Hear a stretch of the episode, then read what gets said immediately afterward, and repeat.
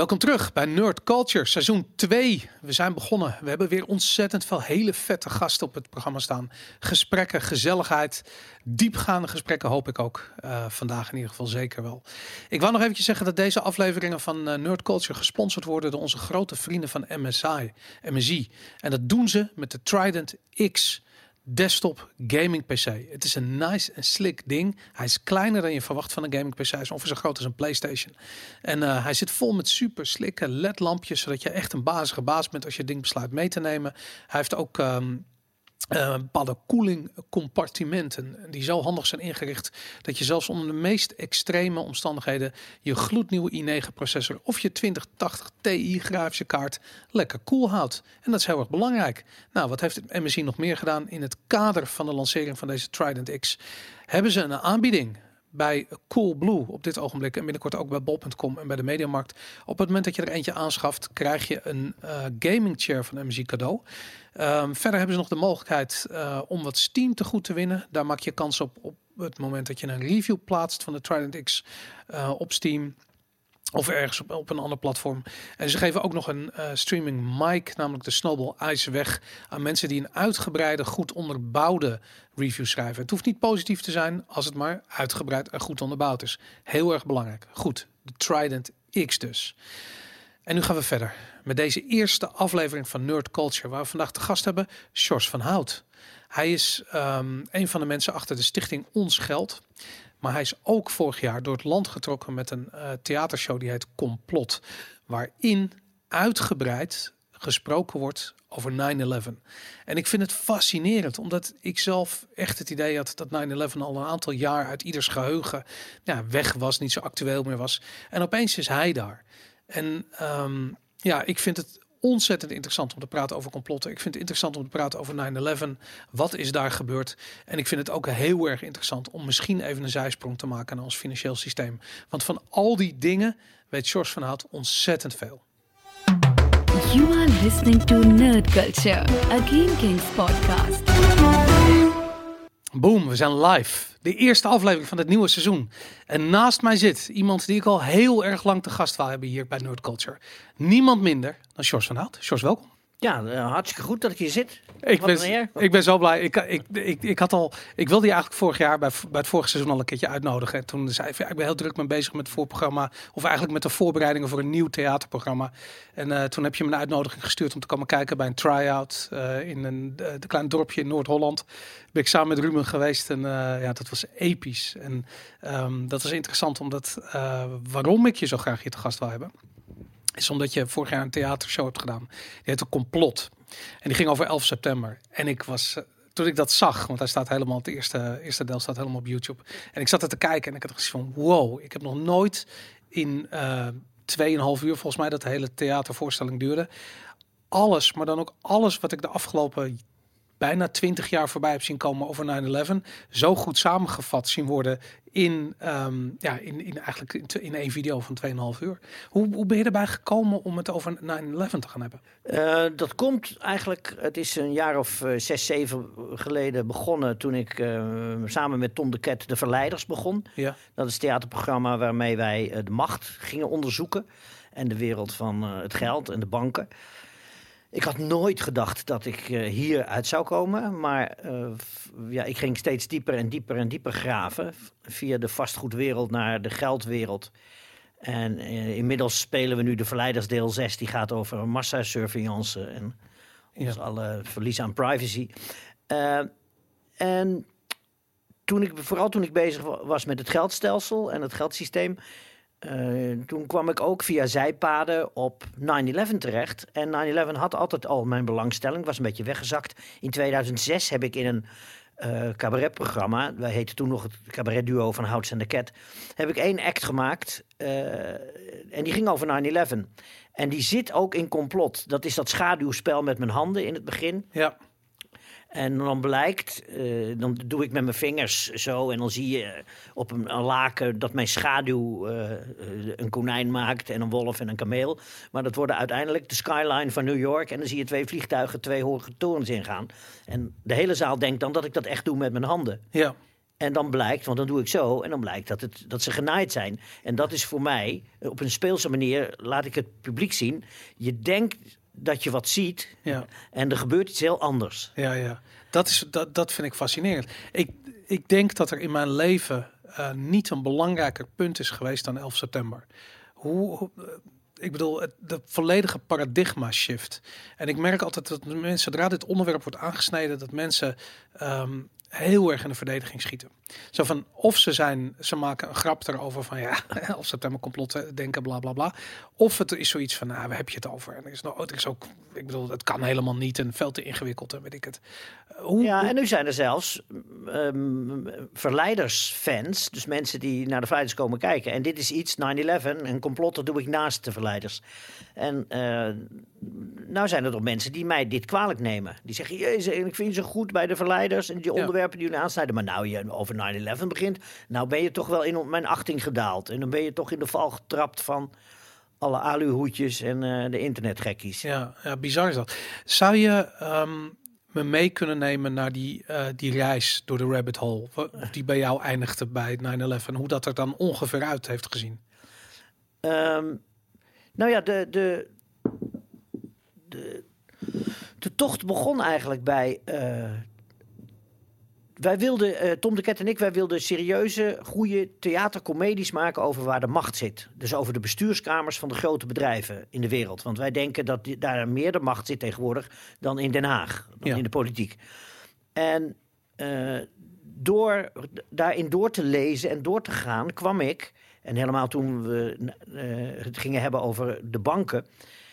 Ehm, want mijn grote vraag was: ik ben zelf ook een enorme slachtoffer van dat ik dacht in 2006, 2007 dat de bomen tot in de hemel groeiden. Ik had mezelf helemaal overloaded met hypotheken en ik dacht: dat, ik word alleen maar rijker en rijker. En opeens stond het bij mij ook hier. En toen dacht ik: hoe kan het nou dat ik als hoogopgeleide, eh, weldenkende, eh, goed krantenlezende burger eh, hierin terecht ben gekomen? Is dat dan alleen maar slapte? Of is er ook iets anders aan de hand? En toen ging ik op- daarop doorlezen. En toen kwam ik dingen eh, de- tegen op internet, waarvan mijn collega's bij de verleiders en vrienden zeiden: nee, daar moet je niet kijken. Daar moet je niet wezen. Dat zijn allemaal gekken. Die, die, die zien spoken en die vertellen elkaar sprookjes en daar gaan ze dan in geloven. En daar moet je he- heel ver weg van blijven. Ja, En, maar ja, op een gegeven moment, ik kwam niet uit eh, hoe, wat voor verhaal moesten we nou echt vertellen over de banken. En toen ben ik daar toch eens ingedoken. En toen kwam ik terecht eh, op hoe het geldstelsel in elkaar zit. En toen het, het, ik het geldstelsel had doorgrond en we met door de bank genomen eh, echt die politieke rel hebben veroorzaakt, waarmee we in de Tweede Kamer kwamen en waardoor nu dat WRR-rapport er ligt na drie jaar studie door de WRR, dat is de Wetenschappelijke Raad voor het Regeringsbeleid, en die onderschrijft onze analyse volledig. Eh, en toen ging ik terug, toen ik dacht, zie je wel, dat zit heel anders in elkaar dan mij op school geleerd is. ja. En toen ging ik terug naar mijn oude fascinatie van eh, 9/11. 9-11. En toen ging ik daar echt goed in graven. En heb ik alle documentaires gezien en alles gelezen wat er over te lezen valt. En toen ging ik er steeds dieper en dieper in. En toen Wat grappig dat je daar. Bij mij was het precies het tegenovergestelde. Dus ik eh, op 11 september zat ik eh, vol ongeloof naar de televisie te kijken. En eh, mijn vader die zat in de gemeenteraad in Amsterdam en die wist het allemaal wel. En die had gezegd van, ah, dat zit zo en zo in elkaar. En toen raakten we daarover in gesprek. En ik had al heel snel zoiets van, het klopt niet. Weet je, je verhaal klopt niet, de daders kloppen niet. Wie heeft hier nou profijt van en waarom gebeurt het? En ik had al heel snel, had ik zoiets, en ik, ik, ik weet niet wie er als eerste was, maar er stond een documentaire op YouTube, of een documentaire, een lezing van Michael Rupert. ja, Dat was denk ik een van de eerste dingen die, vrij, die online kwamen. En hij was een ex-FBI-agent die eigenlijk door zichzelf de vraag stelt: wie profiteert er? Waar gaat het geld heen? Follow the money. Ja. En hij, ehm, eh, toen ik me realiseerde dat de kans dat er iets anders aan de hand was dan wat wij voorgeschoteld kregen in de krant en in de media, eh, dat die kans groter was dan dat het officiële verhaal klopte. Toen, nou, ik, ik denk dat ik een week lang eh, echt in crisis heb verkeerd. Ik had echt zoiets van, maar als dit niet klopt, dan klopt niets. En eh, van daaruit kwam ik eigenlijk uiteindelijk bij geld terecht. oh ja, En wat ik ik volg jou heel lang en ook wat jullie hebben gedaan met Stichting Ons Geld, is letterlijk bespreekbaar maken wat we allemaal niet mogen weten. Dus Ja. kijk, iedereen weet het, maar snapt het niet. Weet je, als je mensen vraagt hoe waar komt geld vandaan, dan zeggen ze ja, de, de, de Nederlandse bank daar ligt goud en je, je briefje staat voor goud. Maar er staat gewoon een gigantische eh, kopieerapparaat ergens, waar gewoon briefjes en euro's en digitale euro's worden geprint. Als, ons, als schuld. Als schuld, ja, inderdaad, ja. Ehm, er zijn zo ontzettend veel dingen die ik wil bespreken, maar ik wou eerst, ik wou het eerst even over 11 september houden, omdat ik dat juist zo, zo fascinerend vind. En vooral omdat ik mezelf, en ik, misschien heb jij dat ook ervaren, als ik over 11 september praat met mensen, dan word ik heel vaak ehm, in een, in, je wordt gelabeld, je wordt in een hokje geduwd. Ja. Terwijl ik heb echt zoiets van, als ik de vraag stel bijvoorbeeld, hoe komt het dat er met twee vliegtuigen drie gebouwen eh, vernietigd worden in New York? Dan wordt er gezegd, ja, maar wie heeft het dan gedaan? En waar zijn dan die mensen gebleven? Ik zeg, weet ik veel. Weet je? Hoe, hoe voer je dit soort discussies? Hoe begint het Nou, nou? ik heb mij eh, ik heb aangeleerd dat het belangrijkste is dat je eerst de, de mindset openpulkt. Ja, Dat je mensen vulnerable, kwetsbaar maakt voor anders denken. Daarom ook die act met die schaduwhanden. Je Ja. moet eerst leren dat je niet op je zintuigen moet vertrouwen. Dat je niet op de mainstream media moet vertrouwen. Dat, dat verhaal wat er meteen al ingeprent is als het, als het trauma van de shock Ja. jezelf eh, eh, kwetsbaar maakt. Dat dat heel erg moeilijk weer open te peuteren is. En eh, in mijn eerste complot, hè, die, die, bijna drie uur duurt, is mijn enige is dat ik vragen stel en alleen maar werk, toewerk naar jongens, ondersteun onze tocht naar een nieuw onderzoek. ja, Ik zeg helemaal niet wie het wel gedaan heeft. Ik ga niet speculeren. Ik zeg alleen, nou af en toe doe ik het tegen het einde, zeg ik ja, het zou zo kunnen gebeurd zijn. Maar dan zeg ik het expres tien keer bij, dit is speculatie. Ja. Dus ik zeg niet dat het zo is. Maar juist het, het, het, het eh, openpeuteren van de klassieke narratief, de, de officiële lezing, dat is al een enorme klus. Maar dat lukte mij in die drie uur eh, live op het toneel, lukte mij dat behoorlijk aardig. Er waren echt eh, vooral oudere grijze mannen, die gingen zo zitten in de zaal. ja, ja. Zeggen, nou, we gaan die complotdenkers even helemaal kapot maken. En die stonden na drie uur toch bij mij op het toneel al die boeken in te bladeren. Ja. Denk, ja, ja, ja. En nou, die maquettes, ik heb hele grote maquettes laten maken van de Twin Towers. Stonden ze allemaal wel te kijken van, ja, dat is wel raar. Waar is, de- waar, waar is het puin dan gebleven? Dat Ja. is toch raar dat er niks meer lag. En dat het zo snel afgevoerd werd naar de haven. En Hoe zeker ben je eh, van het feit dat het officiële 9-11 verhaal niet klopt? Eh, ik ben een 99,9% zeker dat het officiële verhaal niet klopt. Ja, en hoe. ehm, het, het, ik, ik wil niet de vraag stellen wat is er dan gebeurd, omdat ik haat het als mensen Ja. het bij mij doen, omdat het gewoon dat niemand weet wat er gebeurd is, tenzij je erbij was. Maar ehm, wat, laat ik zo zeggen, wat voor ehm, wat voor doel heeft 9/11 gediend? Wat is het? Wie heeft er geprofiteerd van 9/11? Ehm, ja, dat is eigenlijk het, dat grote, je noemt dat, ik noem het, dan, of men noemt het deep state, het militair-industrieel complex, de hele veiligheidsindustrie. Eh, ik, eh, mijn analyse is dat de, de vijand, het communisme, was weggevallen, was eh, verschrompeld. Ja. En de wereld ging bezuinigen op zijn legers. Want de, de, Kou- de Koude Oorlog was over. Er was de tijdperk van de eeuwige vrede was aangebroken. Ja. Nou, daar hadden bepaalde machten natuurlijk helemaal geen zin in. Want dan kan je geen wapens en veiligheidssystemen verkopen. Plus, en dat leg ik ook uit in de voorstelling, is er een bepaalde mindset die denkt: ja, maar er moet onrust zijn in de wereld. Dat keeps us going. Als we met z'n allen zeggen het is vrede, dan gaan we allemaal op een divan eh, druiven liggen, eh, vreten en door koelte toegewuifd door slavinnen eh amfora's wijn naar binnen zuipen. Ja. En dan heb ik het over het oude Rome, dat aan zijn eigen decadentie te kapot is gegaan. Dus is er een bepaalde stroming in het denken, ook, vooral in Amerika, die zegt nee, je moet je eigen weerstand creëren. Ja. Je moet een vijand hebben. Want dat maakt dat er vooruitgang is en dat je alert bent en dat je 's morgens opstaat en denkt, kom op, we moeten wat doen. Ja. Dus, eh, en dat gekoppeld aan het militair-industrieel complex, wat zijn wapens moet verkopen. Want de motor is achter heel veel technische innovatie. Dat is de hoofdmoot. En plus wie er natuurlijk enorm heeft geprofiteerd, dat is Israël. Politiek gezien, omdat het Midden-Oosten en de wereld eigenlijk verdeeld is. Ja, en er is de, de Project for a Greater Israel. Dat is, was ook om het Midden-Oosten te verpulveren. Ja, om al die staten te vermorzelen, zodat er ze geen serieuze eh, tegenstand meer te duchten hadden vanuit de woestijn. Ja, en als je nu 20 jaar fast forward kijkt, is dat Is behoorlijk gelukt. meestelijk gelukt. Ja, ja, dat is wel dat is een groot strategisch daar aan het En als je nou ziet dat de, de wetgeving in Amerika is aangenomen. Dat, je, dat het strafbaar is geworden om mee te werken, zelfs propaganda te maken. voor het boycotten van producten uit Israël. Ja, ja, Heel veel ambtenaren moeten nu dat ondertekenen. wauw. Dat ze geen, niet, niet meer mee mogen werken aan een boycott van Israël. Bizar is dat. Op straffen van gevangenisstraf. Dat is bizar. Ja. Dus je ziet eigenlijk dat Amerika. Maar je weet niet, ik weet niet wie nou wie in de klauwen heeft. Het is waarschijnlijk een, een dodelijke omhelzing van allebei. Ja, Van Amerika en Israël. en industrie en wapenlobby. Ja. En, ja. En als je, als je bestudeert de aanval in de eh, Zesdaagse Oorlog in 1967 van Israël.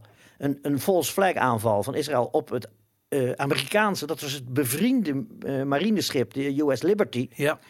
In Voor de kust van Egypte. Ja, Het was een afluisterschip. En Israël had toestemming gegeven in de Zesdaagse Oorlog om de vijanden terug te slaan. Maar ze, wa- het was ze verboden door Amerika om de Sinaï in te gaan.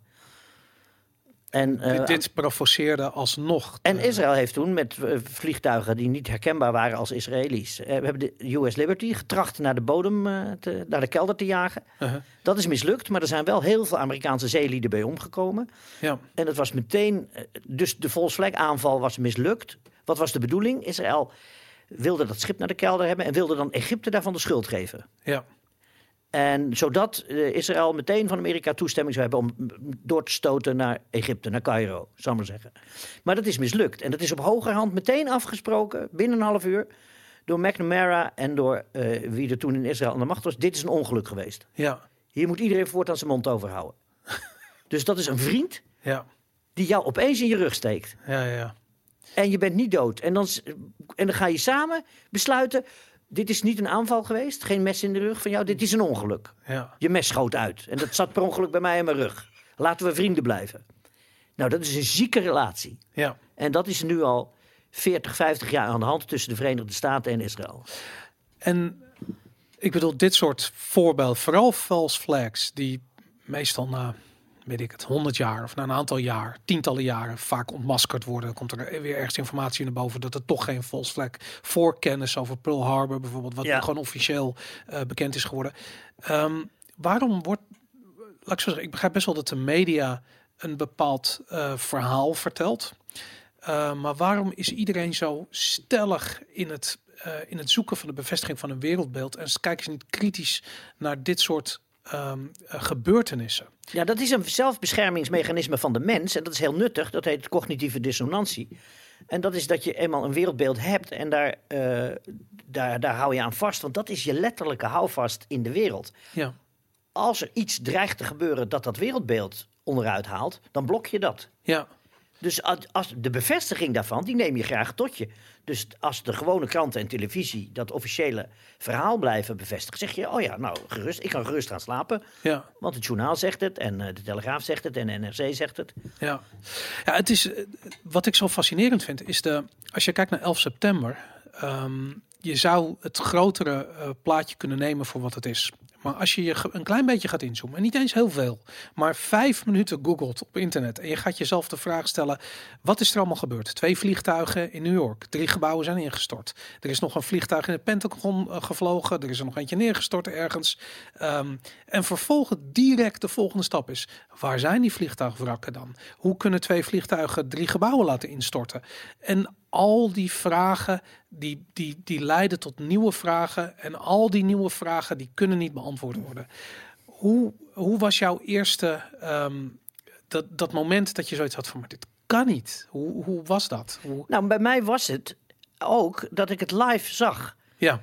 Ik had uh, twee kleine dochters. Ik woonde in Vreeland, een, een dorpje bij uh, Hilversum. Ik had papadag. Uh, en uh, ik denk dat Tom mij opbelde smiddags om drie uur. Van, je moet tv aanzetten, CNN, er is iets aan de hand, er is iets aan de hand. En toen ben ik tot s'avonds acht uur gebiologeerd. Ik vergat mijn kinderen helemaal.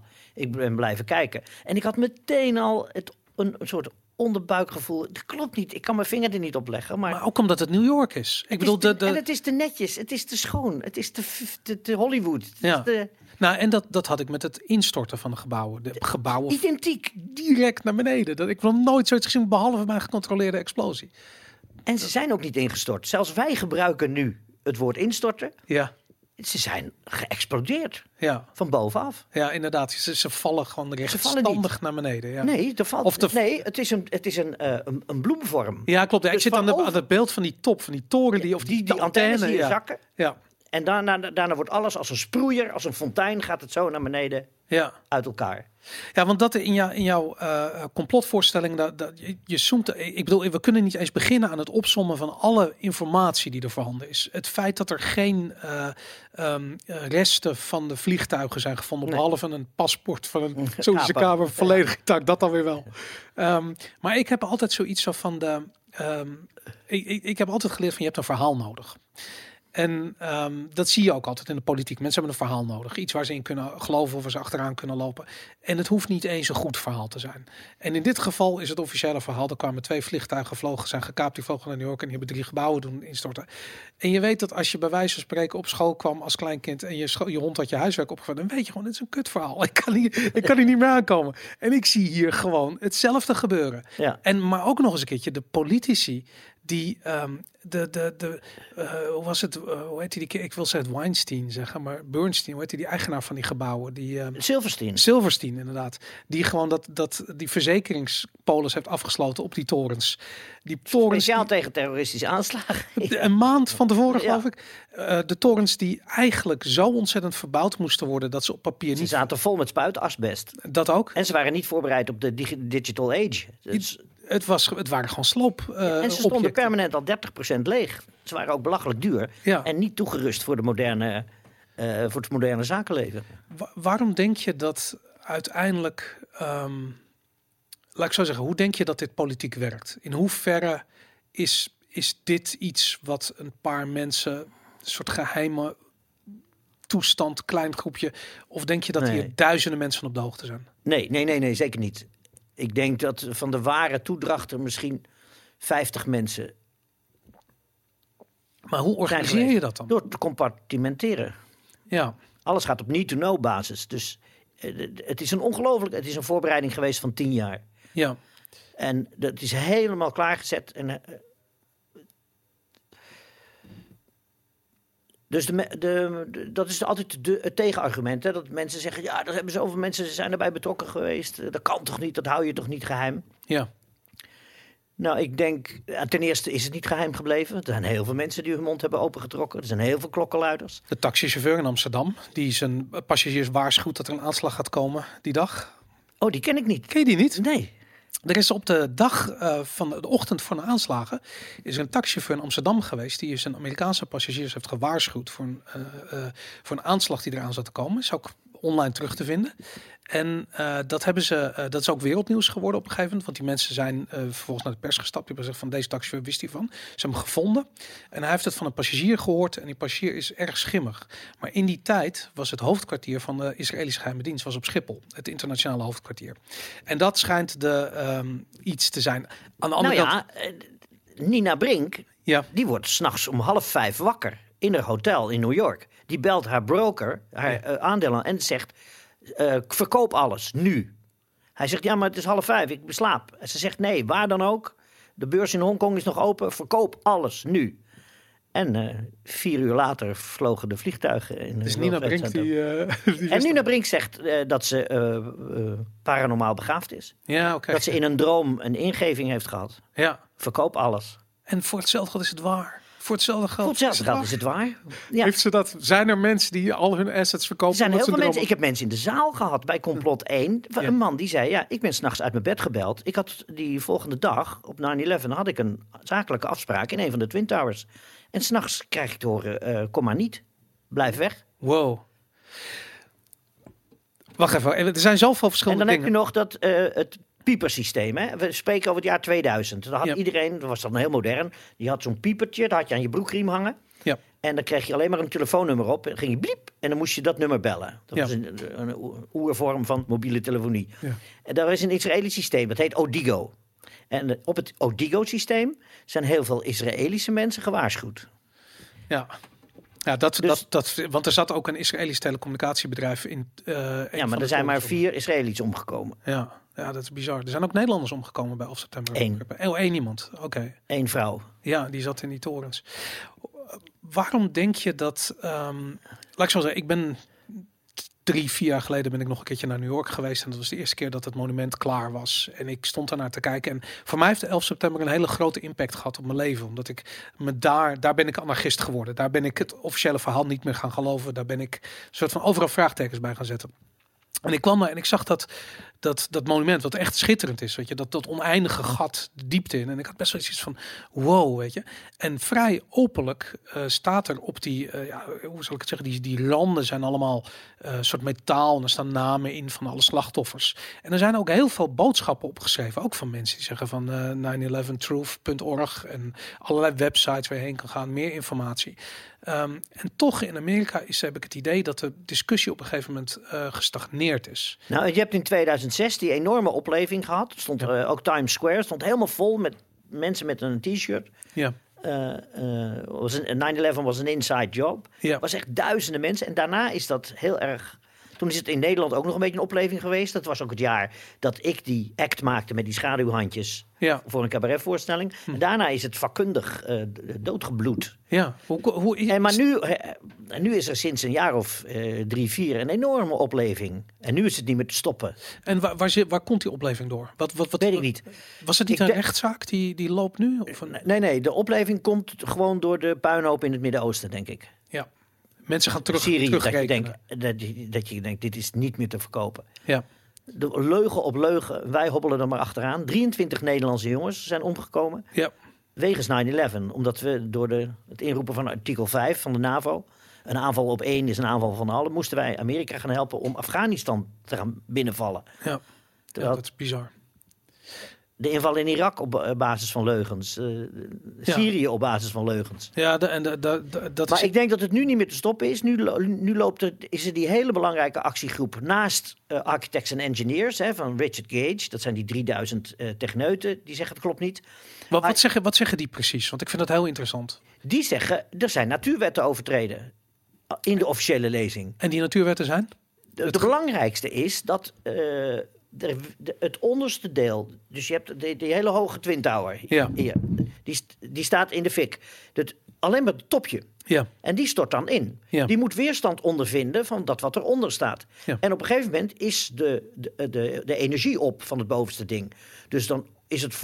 eh, het moet maar een klein stukje verbrokkelen ja. In de klassieke mechanica. In de klassiek zou het instorten, maar het is niet ingestort. nee, nee ja. de- en maar een klein stukje verbrokkelen. ja, Als het staal verzwakt zou zijn, dan zou je dus hoeven. Logischer is dat die, omdat ze asymmetrisch zijn geraakt, dat het beschadigde deel ero- eraf valt. ja, Maar het gaat rechtstandig. En dat kan niet, want het onderste deel moet weerstand bieden. ja. Dat was intact. Ook al stort het in, het moet toch in ieder geval iets van weerstand bieden. Er moet, en er was geen weerstand, want ze gingen beide.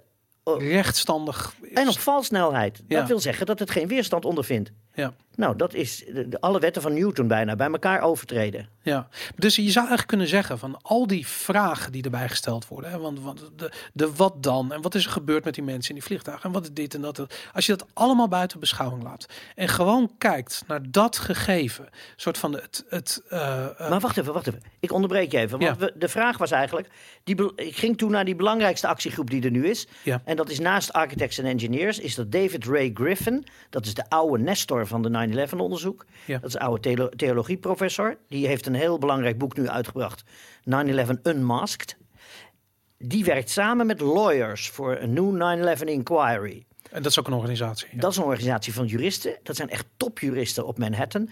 En die hebben het nu voor elkaar gekregen. Samen met de punten die David Ray Griffin eh, uitermate wetenschappelijk heeft onderzocht in zijn 9-11 Unmasked. Dat er nu een grand jury zaak is geëist bij het Department of Justice op Manhattan. En dat is toegestaan. ja.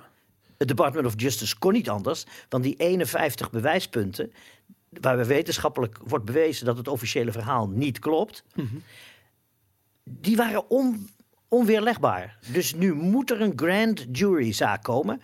En een grand jury zaak zal erover gaan, zijn die 51 punten eh, waar voor de, voor de grand jury, dan moet daar op basis van die 51 bewijspunten een strafzaak geopend worden. Ja. Want er is nog nooit ook een strafzaak Ja, dat geweest is over ook 9-11. te bizar voor woorden. Dat, dat er een bomaanslag... Osama Bin Ja. Laden is nooit door de FBI als schuldig aangewezen. Nee. Er is geen bewijs. Hey, en als je dan als je daarnaar kijkt, hè, dus ehm, eh, het gegeven, er komt een, er komt een, eh, ehm, een groot, stel dat er een strafzaak wordt ingesteld, naar eh, niet het verdwijnen van de mensen in de vliegtuigen, niet naar de, ehm, we- weet ik veel, alle, alle, alle geruchten en, en ehm, eh, dingen die erbij zijn gehad, maar gewoon puur gaat kijken naar de, ehm, de zaken die wetenschappelijk gezien niet kloppen aan 9-11. Eh, het instorten of eigenlijk de vernietiging van drie gebouwen op een onnatuurlijke wijze. Dan Ehm, vergeet je nog Pentagon en je vergeet nog Shanksville. Inderdaad, ja, inderdaad. Maar goed, daar, daar, daar gaan we het zo over. Maar alleen even die, die, die drie gebouwen. Die drie waarbij gebouwen. het derde gebouw vijf uur later Inderdaad. En waarbij de burgemeester ook nog gezegd heeft, we had to pull it. Ja. Dus er is... eh, nee, Silverstein zei oh, Silverstein was dat. Was Ja. het, die zei, we had to pull it. Dat was de eigenaar van de... Van en toen later zei en pull it is een, is een eh, demolition term, hè? Ja. Van druk maar op de knop. Ja, En maar nee, zei Silverstein later, ik bedoelde, let's pull them out. Ja, ja. Zei, er zitten waarschijnlijk nog brandweermensen in. Laten we die naar buiten trekken. Ja, Dus goed verhaal, maar goed. ja. maar ehm, er is natuurlijk een, een tussen aanleidingstekens officieel onderzoek geweest. eh, een, een, ehm, eh, naar aanleiding van, van, van 11 september. Dus het Senaat heeft een onderzoek ingesteld. En daaruit werd een conclusie getrokken, of eigenlijk geformuleerd, over die gebouwen in New York. En die conclusie luidde, is, luidde iets als in de strekking van: wij weten het ook niet. Nee, dat is, waar je op doelt is waarschijnlijk het, eh, eh, het onderzoek van NIST, National Institute for Standards and Technology. Die hebben dat in opdracht van de regering onderzocht. En die hebben daar eh, acht jaar over gedaan. En uiteindelijk, ze hebben via een aantal theorieën. De eerste was een pancake theory. Van de bovenste verdieping hebben alles zo naar beneden geplet. ja, Maar die pancakes lagen er niet, dus dat was lastig. Daarna had je de, de, het heiblok-theorie. De bovenste is zo zwaar, die heeft alles eronder verpulverd door de zwaartekracht. Maar dat heiblok lag er ook niet meer, dus dat was ook lastig. En eh, uiteindelijk zei het NIST, in 2008 pas... ehm, en toen stortten ze in. Dat, dus ze hebben 10.000 pagina's geschreven. ja. Dat is op zich een Twin Tower als je het uitprint en die A4'tjes op elkaar ligt. En de laatste zin daarvan luidt, en toen stortten ze in. Een soort van: ze weten het. Ze weten het niet. Ze kunnen het met de, huid, met de ons bekende natuurwetten niet verklaren. Ja, Hoe dat daar gegaan is. Er is nu een man, eh, een hele belangrijke Duitse eh, onderzoeker, Ja. Hans Pommer. En die heeft nu een theorie die ik oogverblindend mooi vind. oké. En dat is gebaseerd op eh, nucleair. En hoe zit dat eruit? En dat is niet kernsplitsing. Niet de Hiroshima-bom of de Nagasaki, maar dit gaat over kernfusie. Oké. En die meneer weet waar hij het over heeft. En als hij beschrijft eh, in theorie eh, hoe dat gebeurd zou kunnen zijn... en je legt dat op wat er inderdaad aan schade is... en dat de rots waarop ze stonden, de Twin Towers, daar is, die is gesmolten. Ja, En, dat, en waarom ze toe hebben moeten dekken, je zegt net dat mooie monument met al dat water. Waarom ze toe hebben moeten dekken, dat zie je ook in kernreactoren. ja. Die staven staan onder water. Water is een hele goede bescherming tegen straling. Dus je zou zeggen, het is nog steeds nucleair. actief. Ja, dat is wel minieme straling. Oké. Maar al die first responders, er zijn er wel 5000 Ja. die allemaal kanker hebben gekregen. En Ja. allemaal stralingsziektes. Ja, hey, en, en is die, ehm, eh, ik, ik ken de theorie, van de termite. Eh, Ja, de nanothermite. Is dat wat je bedoelt? Is dat dit? Nee, nee, dat is. Ik denk dat er een. eh, maar ik zit, ik zit echt te speculeren. Ja. Maar ik denk dat er gewoon een aantal systemen naast elkaar zijn gebruikt. Ja, Waarbij denk ik het nucleaire de, de, de hoofdmoot is geweest. Eh, en de, de vliegtuigen erin, er zijn wel degelijk dingen ingevlogen. Mhm. Dat was puur om het verhaal later te kunnen maken. ja, En zegt Heinz Pommer in de nucleaire theorie, er moest bovenin eh, de gebouwen een opening komen om een soort schoorsteenwerking te krijgen door de liftschachten. Daarom dat ook die eerste explosies in allebei de torens, die waren voor, onder in de kelders waren Ja. explosies. Waar Rodriguez, die de Ja, conciërge genoeg, over eh, genoeg, eh, die waren, waren ja. tien seconden voordat het eerste vliegtuig erin ging. ja, ja. En ik dacht altijd dat dat, wa- dat was het opblazen van de, eh, van een soort van de, de kolommen of zo van, de, van die torens. Ja, en volgens Heinz Pommer is dat nu dat die liftschachten zijn opengeblazen. En met de vliegtuigen die het gat hebben gemaakt, heeft dat een schoorsteenwerking gegeven. En dan is er onderin, heeft er een, een mini-nucleaire reactie plaatsgevonden. Ja. Die heel erg plaatselijk is. En die geeft een soort straling, een soort gamma-straling. Waardoor het staal verpulvert en verstoft. En want ik weet namelijk ook, er is een film, ehm, daarin wordt een audiotape over beelden gelegd van eh, de Twin Towers. En dan zie je die, die, die, die, die, die pufjes rook, Ja. en die eigenlijk voorafgaan aan het, aan het naar beneden komen van die toren. Dat je, en dat dat dus de kolommen per verdieping zouden zijn, die allemaal opgeblazen zijn. Ja, dus ik denk dat er meegeholpen is door nanothermite, wat al in de wanden zat. Om het, dat, eh, om het te verzwakken en open te blazen. Ik denk niet dat ze op één techniek vertrouwd hebben. Ja, maar meerdere. En het, het feit, en daar wees eh, Judy Wood op, die ook heel belangrijk is. In dit, eh Where Did the Towers Go, schreef zij een boek. Eh, en zij, haar viel het op dat de mensen die in de ramen stonden... en uiteindelijk ook gruwelijk naar beneden sprongen, hun kleren hadden uitgedaan. Terwijl bij brand bescherm je jezelf juist. ja. Het moet dus ontzettend heet zijn. Nee, geen heet. Niet heet, want in het open gat van het vliegtuig... er staat op een gegeven moment een vrouw om hulp te zwaaien. Ja, ja. De- straling. Het is een soort... eh, je verpulvert ook als mens als die gamma-straling op Oh, je wil zeggen dat de kleren gewoon eraf gebrand zijn? Nee, nee, nee. Maar dat je iets, iets heel erg vreemds voelt... wat je nog nooit gevoeld hebt. Ja, ja, op die manier. En als reactie heb je zoiets van, het moet van me af, Ja, weg. ja, misschien is het raar, statisch... of ging het pijn doen. Of... En ik kan me ook voorstellen, kijk, ik, ik, ik begrijp dat je uit een raam springt. Ehm, behalve eh, dat ik ehm, me, laat ik zo zeggen, ik kan me niet voorstellen hoe de situatie is op dat ogenblik in zo'n toren. Ehm, maar het moet eh, zo verschrikkelijk zijn. Kijk, je weet niet dat hij in gaat storten. Dus voor hetzelfde geld. Die brandweerlieden gingen met het volste vertrouwen erin. Daarom. Maar dus ook de mensen die uit het raam hingen, bij wijze van spreken, en nog lucht van buiten kregen, waren op dat ogenblik absoluut in levensgevaar. Maar hun, laat ik zeggen, het alternatief van naar beneden springen, is het, moet dus een beter alternatief zijn dan wat daar boven aan de hand was. Precies wat ze voelden. Ja. Dus er was iets... iets Er was daar iets wat, ja, dat maakt sens inderdaad. Ja. Wow, wat bizar. Die, die had ik nog niet gehoord. Dat vond ik namelijk ook leuk. Ik bedoel, de, de, eh, ik, bedoel na, eh, de jaren na 11 september heb ik alle films en documentaires en er van alles over gelezen. En op een gegeven moment verstomde me, ja, mijn interesse een beetje. Weet je, ik, ik, ik merkte ook de eh, bevriende journalisten die ermee bezig waren. Daan de Wit bijvoorbeeld, die is ook te gast geweest. Ja, ja, ja. En daar hebben we het over gehad. En die zei ook op een gegeven moment van ja. Weet je, ehm, je wordt zo ontzettend gestigmatiseerd in Nederland als je als journalist hiermee aan de slag gaat. Ehm, Willem Middelkamp met zijn boek eh, waarin hij Deep State noemt, werd direct gelabeld als een conspiracy-denker, eh, complot, eh alle hoedjes, bladibla.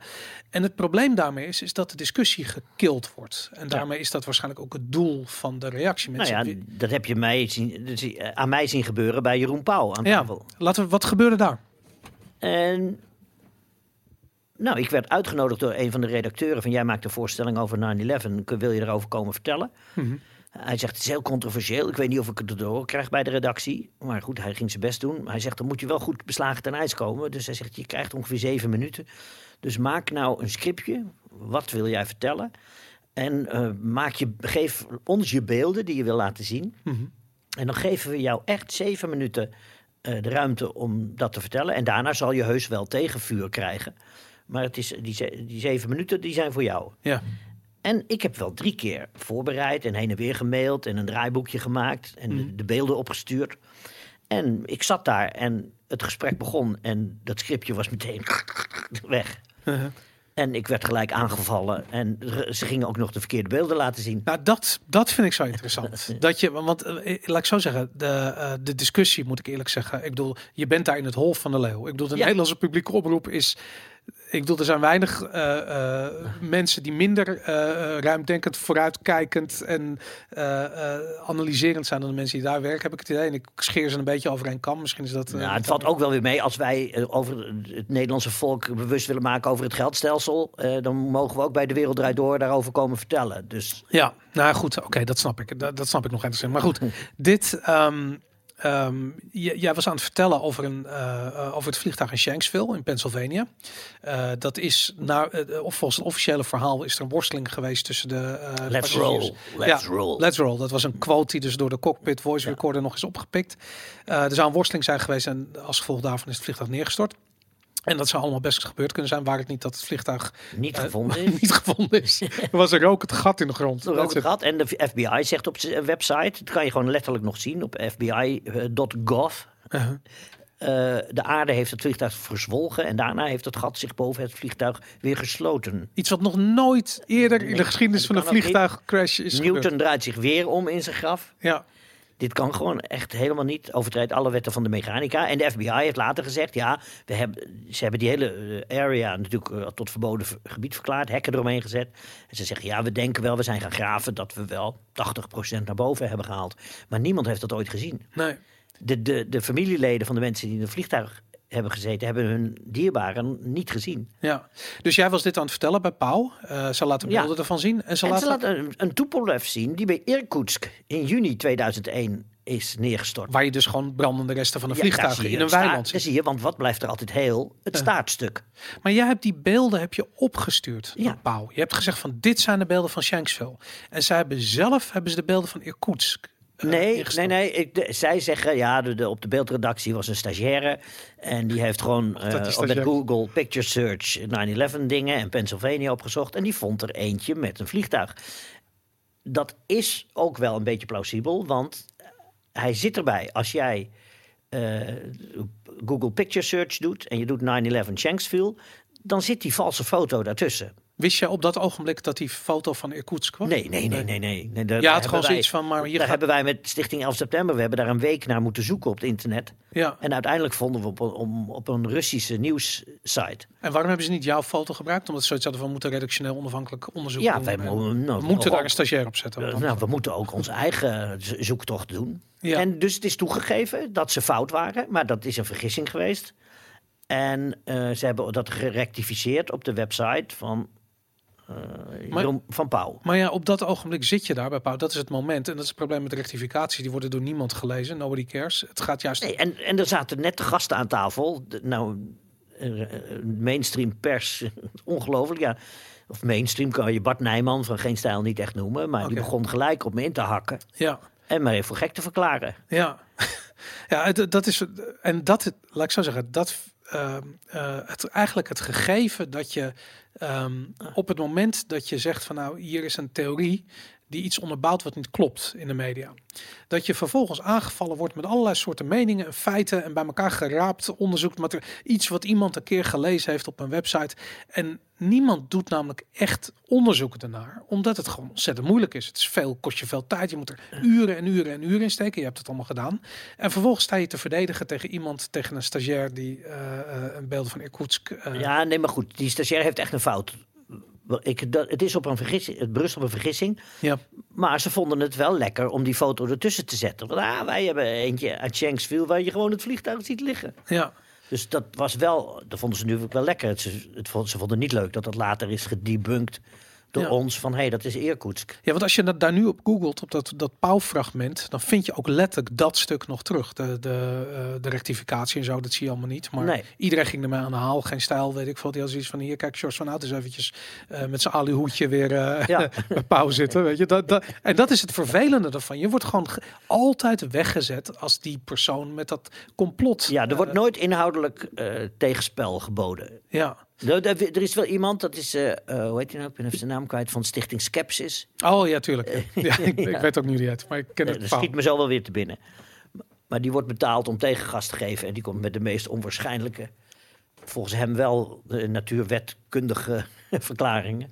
Hey, en eh, wat ik heel interessant vond aan jouw complot, de complottheorie, die trouwens volledig, of complot, de voorstelling complot, is niet complottheorie, maar de voorstelling heet complot. Ehm, die is in zijn geheel terug te kijken, de eerste voorstelling is in Ja. zijn geheel terug te kijken op YouTube.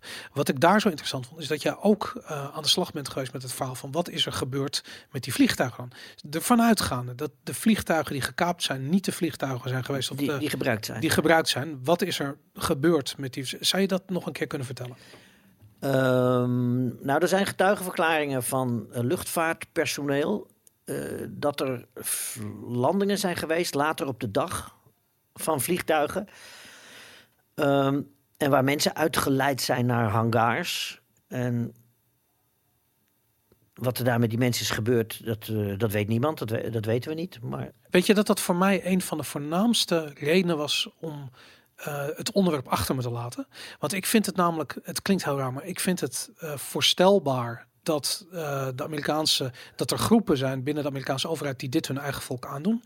Maar ik vind het bijna niet voor te stellen dat er, wat waren het net al, 500, 200, nee 200. oh, 200 man in totaal, In totaal in vier vliegtuigen. dat die dus blijkbaar geëxecuteerd zijn of wat er ook mee gebeurt. Ik vind dat bijna niet voor te stellen.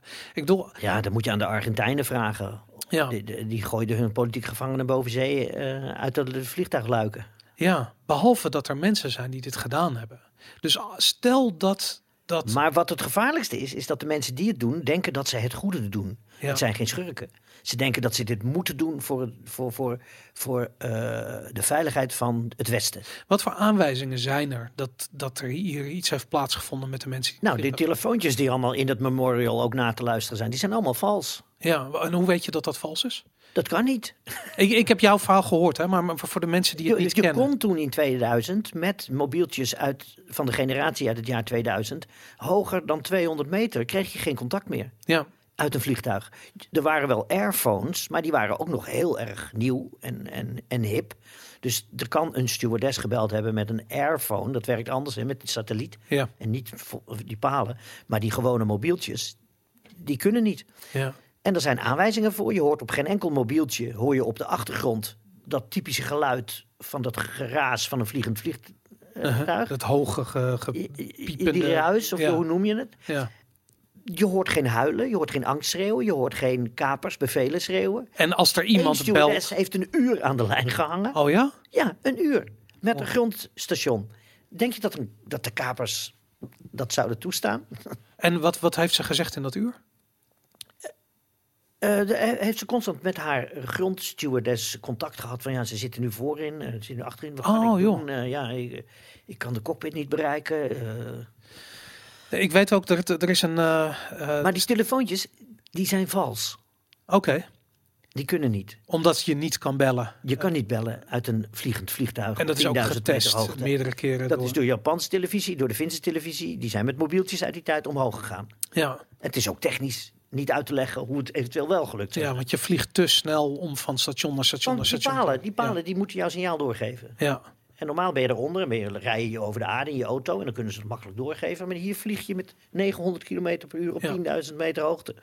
Dat gaat niet. Dat gaat niet. Er is ook een, ehm, een gesprek, wat ook gewoon online eh, terug te luisteren is, van een stewardess die belt, of ik, ik weet niet of de stewardess is eigenlijk, maar die belt naar haar man en die spreekt een voice eh, mail in. En die zegt van, het is, eh, dit is nep. Ja, nou, ja, dus ze zegt eerst I love you, we're being hijacked. Oh, send my love to the children. I hope I see you ever again. I'm afraid I love you, I love you, bye bye. En dan zegt ze, it's a frame. Ja, ja dat is bizar. Of ze dat echt zegt, je moet wel goed luisteren. Ze fluistert. En waarom hebben ze dat er dan niet afgeknipt als het fake is? Ja, misschien omdat ze het ook niet hoorden toen ze het... Toen ze het erop zetten, maar dan hadden ze het het nu even goed af kunnen knippen. De- de- de- dus er zit ook wel een hoop ruis. Daar moet je ook ontzettend verdacht op zijn. Ja, Er zit in al deze dingen ook ruis. Er wordt ook onzin verkondigd. Wat, ehm, hoe, hoe, hoe, hoe bewaak je voor de onzin en de ruis en de, de verschillende, de, de ontzettende bak met desinformatie? Nou ja, ik ga niet eh, de, de, de David Icke's van deze wereld achterna. Ja, en hoe maak je onderscheid tussen de... de- Nou ja, ik, ik stop bij. eh, Ik geloof heel erg dat mensen. Eh, andere mensen de verschrikkelijkste dingen kunnen aandoen. Mhm. Zodra het gaat over. Ja, sommige van ons zijn eigenlijk reptilians. En die komen van Mars. En we worden bestuurd door entiteiten. er is een natiebasis op de maan. Ja, Vet. nou dan. En we zijn eigenlijk. dat- zijn reptielen. En nou, nou ja, dan, dan ben ik weg. Ja, omdat, maar laat ik zo zeggen, er zit natuurlijk een wereld van verschil tussen de, de, de reptilians en, de, eh, en 9-11. Maar ook in het 9-11 onderzoek zou ik me voor kunnen stellen dat er van allerlei soorten desinformatie en onzin. Ja, er zijn heel veel mensen die eh, alles proberen te doen met numerologie. Ah, oké. Die zeggen de datum, de tijdstippen, Ja. eh, de, de nummers van de gevonden eh, beschadigde voice recorders. Die gaan, al die, en die gaan dan allemaal die sommetjes maken. En zie je, alles komt uit op 666. Het is de duivel, dus het kwaad. ja, Nou, daar hou ik me verre van.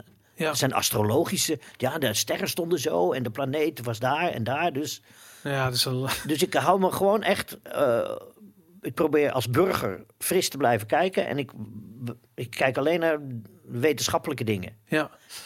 Ik vind dat ook wel interessant, want toen ik na 11 september in het onderwerp ehm, geïnteresseerd raakte, toen waren we blij met Loose Change en Ja, eh, dat soort Dat is ook de eerste die ik zag. Ja, daarom. Nou goed, die was heel goed. Het was niet de eerste die ik zag. Er waren er, waren er al een aantal. Maar ehm, het was allemaal niet heel erg wetenschappelijk onderbouwd. Het was gewoon eigenlijk een opstemming van alle dingen die niet klopten.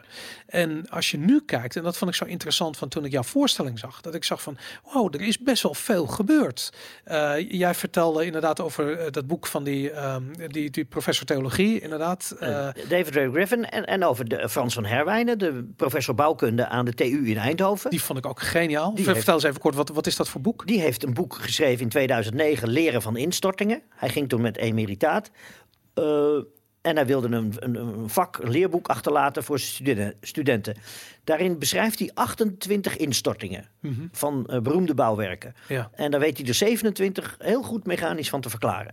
Verkeerde staalsoort gebruikt, verkeerde ondergrond, eh, de verkeerde bouwwijze. Die, die brug bij Seattle, hè, die door de wind gepakt wordt. Ja, En dan gaat zo dan gaat hij wiebelen. wiebelen en dan knalt hij uit elkaar. Ja. Ja. Dat kan hij allemaal verklaren met, met de natuurwetten. Er is één eh, instorting die hij niet kan verklaren. Waarvan hij zegt, het kan niet zoals het verteld wordt. En er moet onderzoek naar gebeuren, is de Twin Towers in New York op 9-11. En daar besteedt hij een enorm hoofdstuk aan. Oh ja? Met hoe het gebouwd is, staal. En wat Donald Trump ook al zei op de dag zelf. Deze gebouwen zijn zo sterk, die kunnen niet door een vliegtuig naar beneden gehaald Ja. worden. Er moet iets anders gebeurd zijn. En professor Frans van Herwijnen. Dus gewoon in een studenten universiteitsleerboek. Hmm. Daar staat het verhaal klopt niet van 9-11. Ja, ja, dat is. Mijn zoektocht, eh, of zoektocht is een groot woord. Ik ben altijd gefascineerd gebleven door het onderwerp. Maar met de, ehm, eh, de wetenschap dat eh, soms officiële verhalen gewoon ronduit onzin zijn. Of dat er dingen eh, achter bepaalde verhalen liggen die gewoon anders liggen. Ik bedoel, het hele Midden-Oosten verhaal, de oorlog tegen Irak, eh, de oorlog tegen Iran die nog niet of nooit heeft, of misschien wel Nou, laat maar af. ja, maar af. misschien komt hij nog inderdaad. Daan de Wit heeft een boek geschreven. eh, Dat heet De aanstaande oorlog tegen Iran. En eh, het is nog niet uitgekomen, maar het boek het is al bijna tien jaar oud. Maar het klopt tot op de dag van vandaag. Ja. En je ziet gewoon van ja, dit is een, dit is een groter plan waarbij natuurlijk ontzettend veel op het spel staat. Voor mij leidde dat op een gegeven moment onherroepelijk tot de rol van banken en de, de, de rol van geld in Ja. onze samenleving. Ehm, ik had heel erg eh, eh, de openbaring op een gegeven moment dat ik zag van als je oorlogen op deze schaal wil blijven financieren, dan eh, waar komt het geld vandaan waar je dat mee doet? En toen legde iemand die legde me uit van je moet eens even kijken hoe inflatie werkt. Wat is inflatie nou wezenlijk? En die persoon die, eh, die ik echt heel hoog heb zitten, die legde uit. ehm, op het moment dat je mensen hun geld wil afpakken, zonder dat ze het zien als ze hun bankrekening eh, bekijken, dan doe je dat door middel van inflatie. Vervolgens waren er de voorbeelden. Het Romeinse Rijk, die op die o- manier hun oorlogen eh, ehm, eh, eh, financierde. Nou, er, zijn volgens mij, in de, Willem Middelkamp heeft eens een keer gezegd dat er volgens mij 246 of 245 voorbeelden in de geschiedenis Ja, zijn. Die allemaal mislukt zijn ook. Uiteindelijk stort zo'n Alle rijk geldsystemen zijn eindig. Ja. op eh, inflatie berust. Ja. eh, met niet hard geld inderdaad. En toen ik me daarin ging verdiepen, had ik zoiets van ja, dit, dit systeem is A, het is onhoudbaar. En B, er moeten steeds extremere verhalen aan te pas komen om het houdbaar te houden. Ja. En ehm, kijk, jij, jij bent met Stichting Ons Geld eigenlijk al heel lang aan het eh ten strijde aan het trekken tegen, de, tegen het systeem wat we hebben. Niet eens per se de banken, ik, ik weet het niet. Kun, kun je me vertellen waar dat vandaan komt en hoe, wat, wat jullie precies doen? Nou ja, artikel 106 in onze grondwet zegt: de staat regelt het geldstelsel. En dat doet de staat niet. Want het is ooit 300 jaar geleden eh, bij de staat weggefrommeld door een paar hele slimme bankiers. Die zeggen: laat ons dat nou maar doen. Mhm. En dan zorgen wij dat er altijd genoeg geld is om oorlog te voeren. Ja, En dat vond ik verbijsterend. Van waarom, er is democratisch nooit besloten om, om het geldstelsel op deze manier in te richten. Als je aan iemand zou vragen, ontwikkel een geldstelsel op papier, zou je nooit hier uitkomen. Want iedereen zou zien, dit is belachelijk, dit is onrechtvaardig. ja, Dat je geld uit lucht maakt op basis van schuld. ja. Dat als, de consequentie daarvan is dat als iedereen in de wereld zijn schulden af zou betalen, zou er geen geld meer zijn. Ja, en toch moet de rente dan nog betaald worden. Want dan moet ook nog de rente betaald worden. Ja. Terwijl het heel makkelijk anders kan. Ehm, ik heb begrepen dat ehm, de, eh, even iets helder, maar dat systeem waarbij ehm, eigenlijk eh, de nazistaten zagen ontstaan in Europa in 18 nog wat. Je zag Frankrijk die als eerste een nationaal leger had waar de rest van Europa eh, voor bibberde en Ja. beefde. Dat was ongekend wat Napoleon aan het doen was. Ehm, de, de, de, de, de Duitsers, de, de Engelsen en de Russen die moesten meekomen en die hadden zoiets van hoe gaan we zo'n oorlogsmachine betalen? En die kregen allemaal dezelfde eh, eh, openbaring van de enige manier waarop dat kan, is door middel van het zelf creëren van het geld. Ja. En de gevolgen zien we, zien we later wel. Ja. Laten we eerst nog maar dat leger gaan bouwen, want anders worden we morgen vernietigd door de Fransen. Nou, en er waren natuurlijk al heel snel financiers, bankiers, die zagen eh, hoe ze daar ongelooflijk eh, profijt van konden eh, behalen. Door te zeggen, geeft u, als je ons het geld nou laat doen, dan zorgen wij dat jullie oorlog kunnen blijven voeren. Ja. En dat. En sommige dingen kloppen nog steeds niet in het officiële verhaal. Wij weten niet. en dat is het werk van een Engelse professor, die, eh, zijn naam gaat me zo te binnen schieten. Maar die heeft onderzocht al in de 60 jaren dat Hitler voornamelijk gefinancierd is vanuit Wall Street. Ja, ja, ja.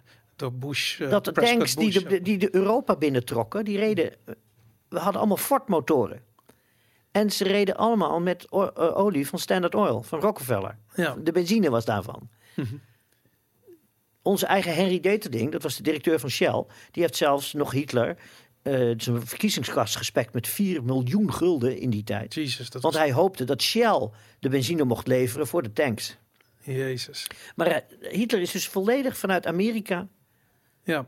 van geld voorzien. Omdat ze zagen, die is iets van plan. Daar kunnen we veel tanks en veel olie aan verkopen. Dat is oorlog. En dat is eigenlijk gewoon oorlog. Weet je, het maakt Ja. niet eens uit wie er vecht om wat. Het, gaat, het doel is oorlog. Het doel is oorlog. En dat, dat is de maatschappij waarin we nu leven. Ik Ja. bedoel, Amerika is letterlijk al met een paar tussenposes, volgens mij bijna 100 jaar. Ja, wij lopen nu twintig jaar te lang achter Amerika aan. En. Het is beschamend. Het Hoe- is echt een.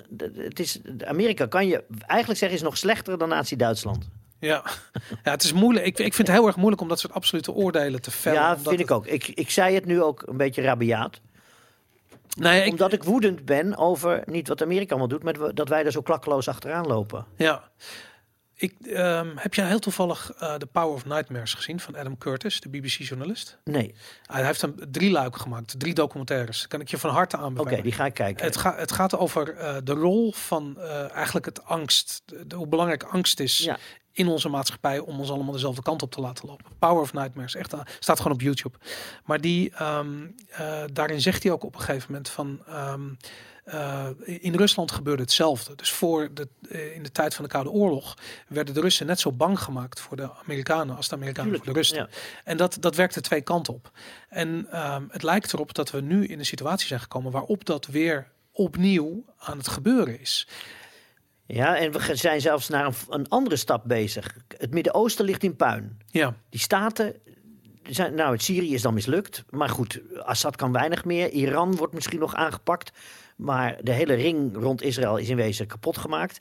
En het Midden-Oosten is al kapot. Dus nu mo- moeten we met z'n allen, en dat zie je al in de mainstream media gebeuren, bang worden van China. ja. Dat is de volgende vijand. Ja, China en Rusland staan natuurlijk eh, achter Iran. Dus dat is natuurlijk echt de grote obstakel om Iran binnen te vallen. En Dat- ik zeg al tien jaar, wij moeten weg van een kijken naar het Westen. maar dat kan helemaal niet. We Het zitten is in de NAVO. Eurasië. De toekomst ligt in Eurasië. Ja, Dat is het grootste blok. Dat is het in de oudheid ook altijd geweest. En Amerika is een soort puberland. Het is nog geen 300 jaar oud. ja. En het is volledig m- m- eh, machtswellust.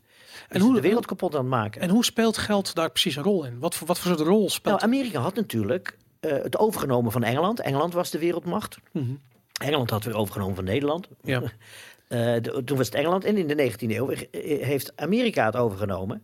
En vooral de 20e eeuw.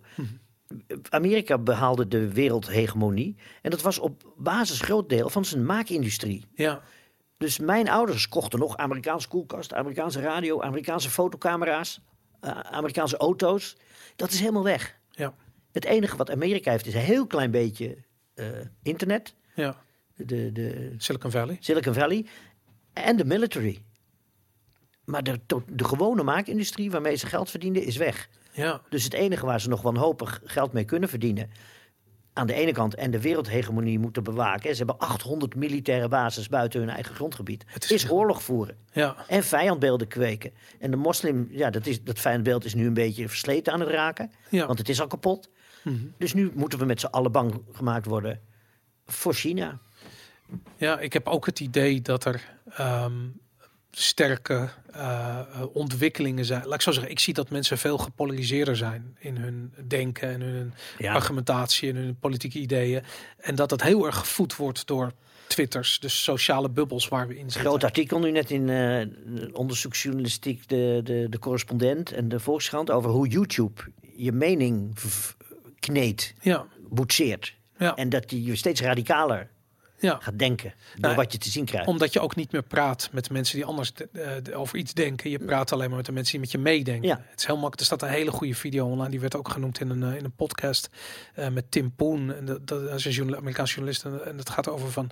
ehm, het is een video die eh, laat zien hoe makkelijk je kwaad kunt worden. En het laat een beetje die dynamiek zien. En ik heb zoiets van ja, vroeger had je dus de nationale pers nodig. En weet ik veel wat er allemaal ingezet werd om mensen op te stoken tegen een eh, vermeende vijand.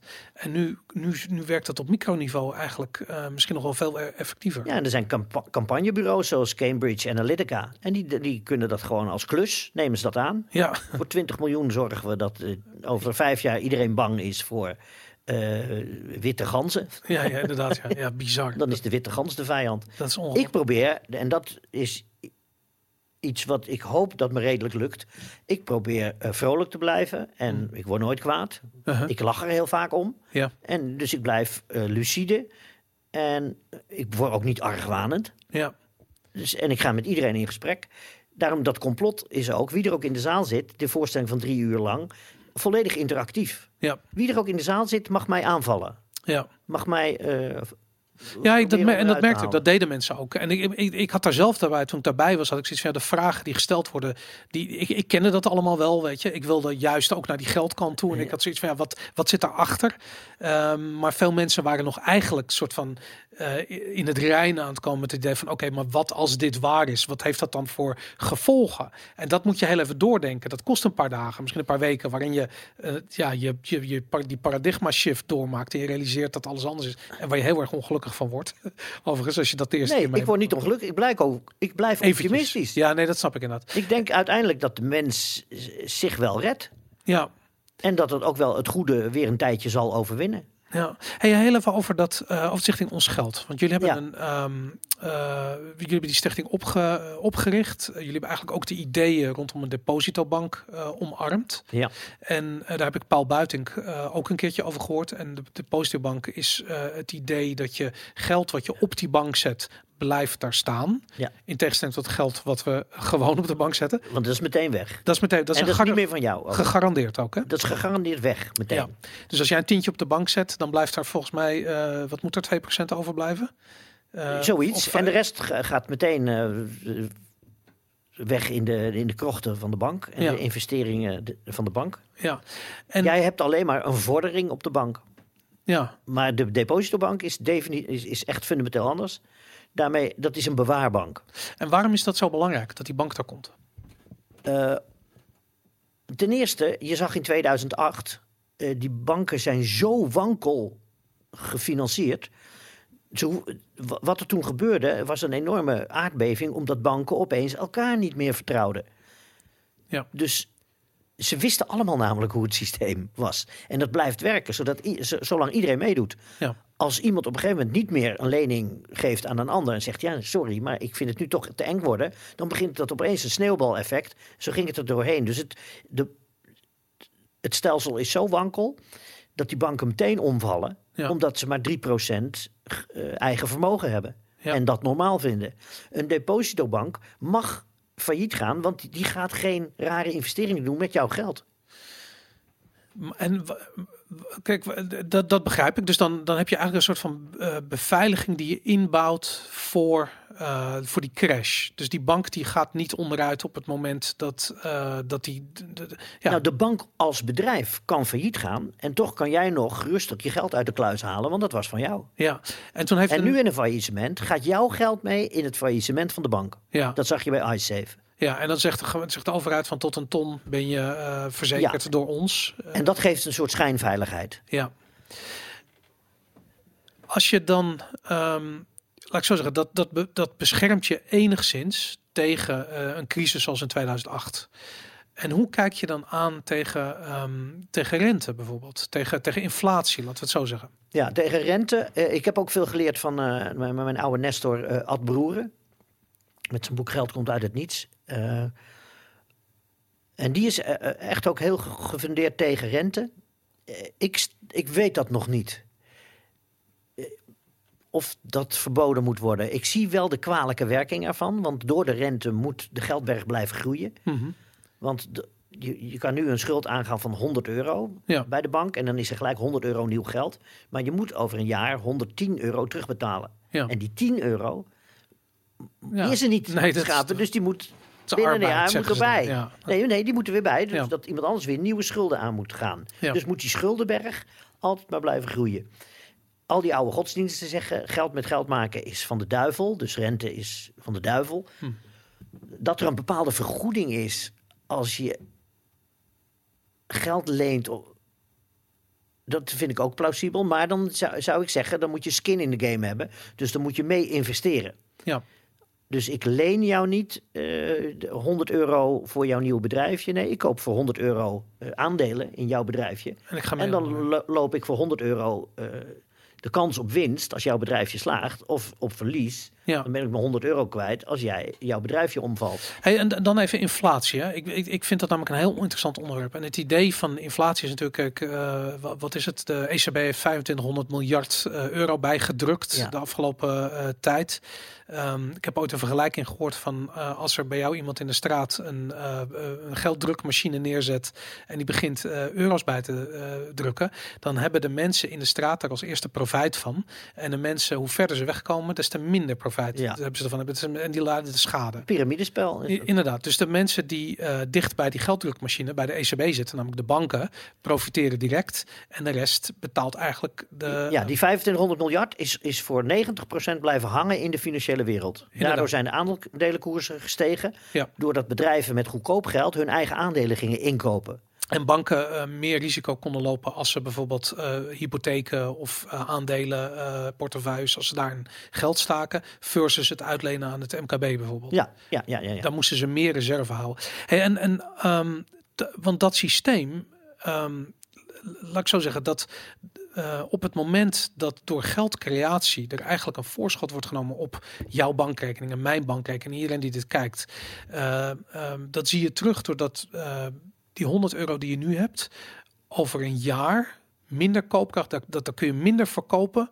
dan je. ehm, Ja, en dat, dat jaagt de bestedingen aan. ja, maar de officiële cijfers zeggen dat we maar 2% inflatie hebben of zo. Nee, die inf- de inflatie is verdwenen eigenlijk. Oké, Het rare is dat we jarenlang het gevaar van deflatie hebben gehad. ja. Hoe is dat te verklaren?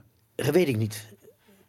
Ik vind het heel interessant. Het, het rare is dat er zoveel geld is bijgedrukt en de economie blijft kwakkelen. Ja, Onze salarissen zijn sinds de tachtiger jaren, als je ze voor inflatie corrigeert, niet gestegen. ja, De allerrijkste zijn duizend keer rijker geworden. ja, Nou, daar zitten dus een aantal niet kloppende ja.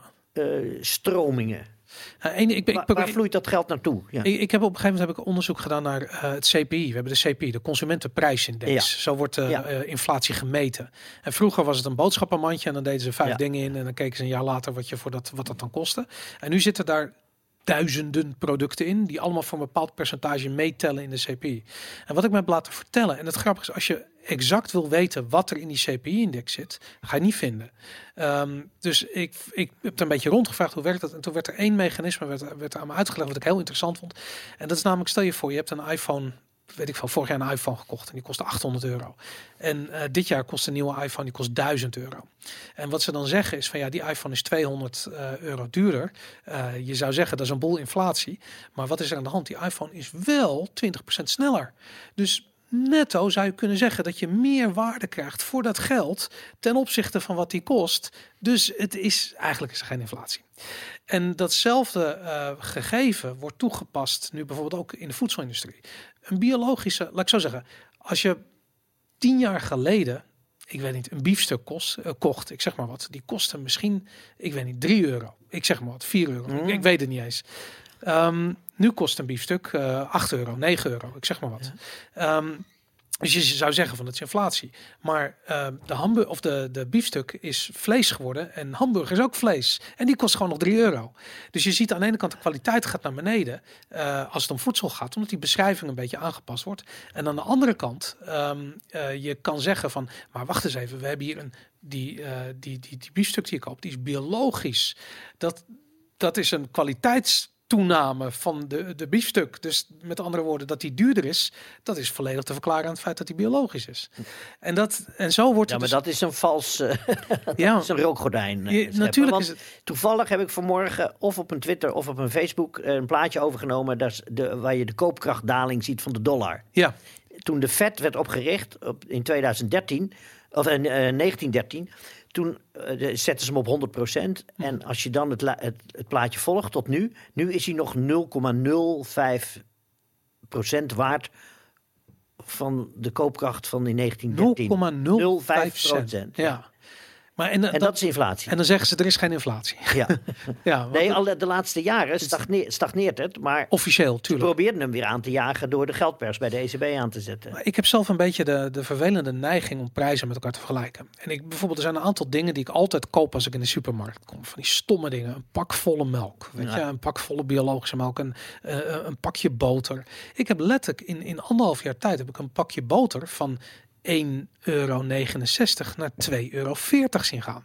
En dan zou je zeggen van dat is toch letterlijk inflatie.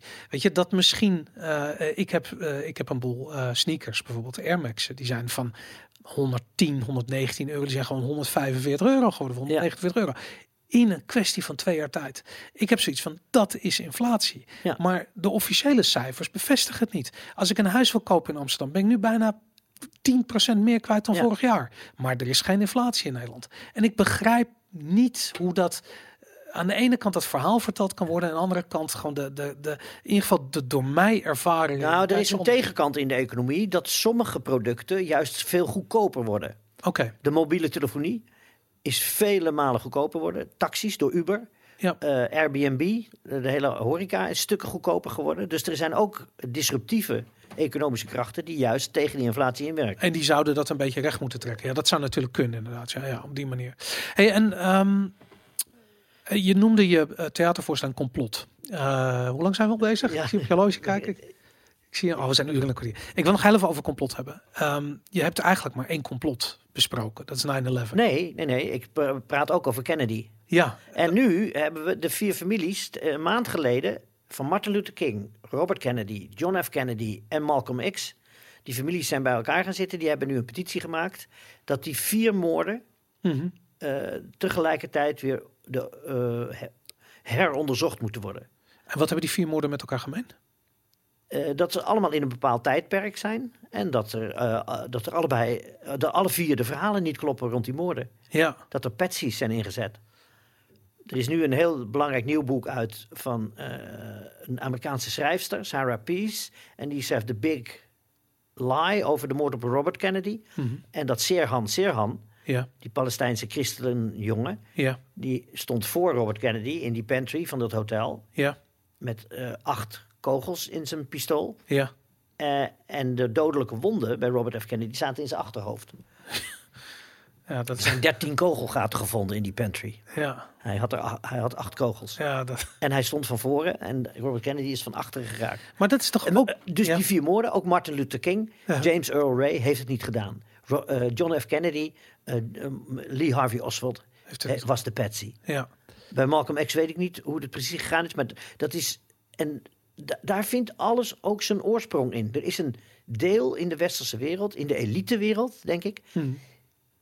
Die vinden dat ze het volk of bang moeten maken of een bepaalde kant op moeten sturen door dit soort machinaties uit te voeren. maar zelf waarschijnlijk ook bang zijn voor de stromingen die bijvoorbeeld die mensen vertegenwoordigen. Ja, Of- maar, en, maar het heeft mij vooruit geholpen door de mensen, die elite dan die dat organiseert, niet te zien als slechte mensen. Ja, Die mensen denken echt dat ze het beste met de wereld voor hebben. ja, En die moeten vuile handen maken.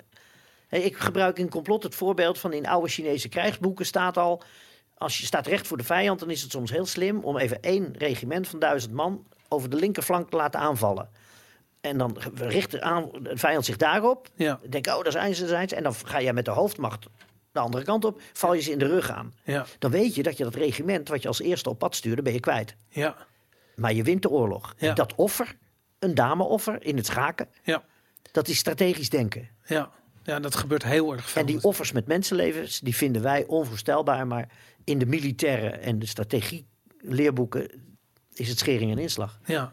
Zou je kunnen zeggen dat ehm, eh, de reden dat 11 september zo'n fantastisch onderwerp is om over te praten, is omdat het zo'n grote gebeurtenis is, ook logistiek gezien, eh, dat er dus zoveel aanwijzingen zijn die eh, het officiële verhaal eigenlijk doen wankelen, eh, versus bijvoorbeeld de moord op JFK, waar, waar het is natuurlijk ook een gigantisch grote gebeurtenis, maar het is microscopisch klein vergeleken wat er op 11 september gebeurd is.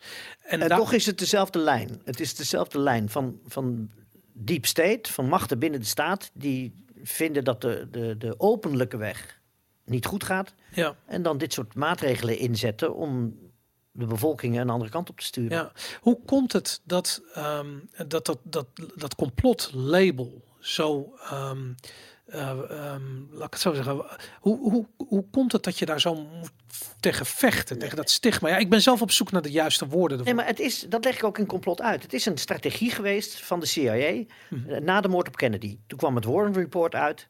En dan zei iedere intelligente Amerikaan: dit kan helemaal niet. Ja, Dit kan niet. Drie keer schieten met zo'n binnen zes seconden. ja, Eh, van achteren door, een, door de gebladerte van een eikenboom heen op een rijdende auto. ja. En toch is het genoeg. En het was een doorlaatgeweer.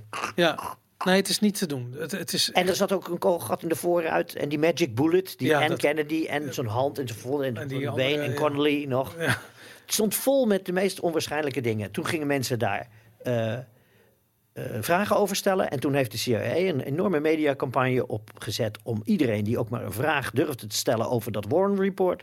Meteen tot complottheoreticus werd bestempeld. En dat is, een, dat is echt een strategie. dat is gewoon overgenomen. Ja. En dat, nou, dat is toen bedacht. En dat werkt tot, tot op de dag van vandaag. Dus op het moment als jij zegt van luister, ik geloof helemaal niet dat de pindakaas vandaag in aanbieding is, maar eh, puntje, eh, whatever, weet je, iets gewoon. En iemand zegt van jij bent gewoon een complotdenker, dan ben je klaar. Dan zijn je argumenten weg. En dat is een ijzersterk frame. Dat Ja. is zo machtig. Daarom dat niemand in de officiële journalistiek zijn vingers daaraan durft te branden. En dat is niet eens omdat het van hoger af wordt opgelegd. Dat is zelfcensuur. Ja, Je weet, je legt het jezelf nou, op. ik heb het letterlijk gezien toen ik met Daan de Witte over 11 september had. Toen zei hij van ja, maar het schaadt mijn carrière als journalist. Ja. En, dat, en, en ik heb zoiets van, maar Ja. dat is toch precies. Ik bedoel, ik neem hem niks kwalijk, maar ik realiseer me van dat is exact wat je als journalist moet doen. Weet je, ik bedoel, Ja. als je Ja. klaar bent met schrijven over onzin, dan ga je, eh, ga je een onderwerp kiezen wat zo groot is dat het ons leven beïnvloedt. En dan ga je daar de waarheid over schrijven. En het is bijna niet mogelijk. Nee. En ik, ik, ik, ik, ik ben tot, en daarom vind ik het ook zo goed dat je eh, eh, de, de voorstelling complot hebt genoemd. Omdat daarmee direct de eh, confrontatie wordt gezocht met Ja. het stigma. Ja. Van je bent, jij staat op dat podium als complotdenker. En doordat je dat zelf al over je afroept, hebben we dat al uit de weg geruimd. Weet je? Nu kunnen we het over de inhoud hebben. En dat, dat, ik denk dat dat heel belangrijk is, dat dat meer gebeurt. En dat dat, Nou, heel veel mensen zijn heel erg in de war dat ik naar voren stap en met dit verhaal kom. Ja. Ja, want, want je hebt het natuurlijk nu met geld gedaan. Je hebt dat met de 11 september gedaan. En ik bedoel, je gaat door met de 11 september, neem ik aan. En nu Eh, doen we het over eh, de algoritmes van de massasurveillance. hoe past dat daarin? Ja, enorm goed. Ja? Die, Als, als tool om, om, om dialoog te beïnvloeden? Of tool ja, en te- kijk uit wat, wat de macht met ons doet. Ja, De macht wil nu tot in ons eh, denken, wil onze mening beïnvloeden door de algoritmes in te zetten en de camera's op straat met de. kun je daar een voorbeeld van geven?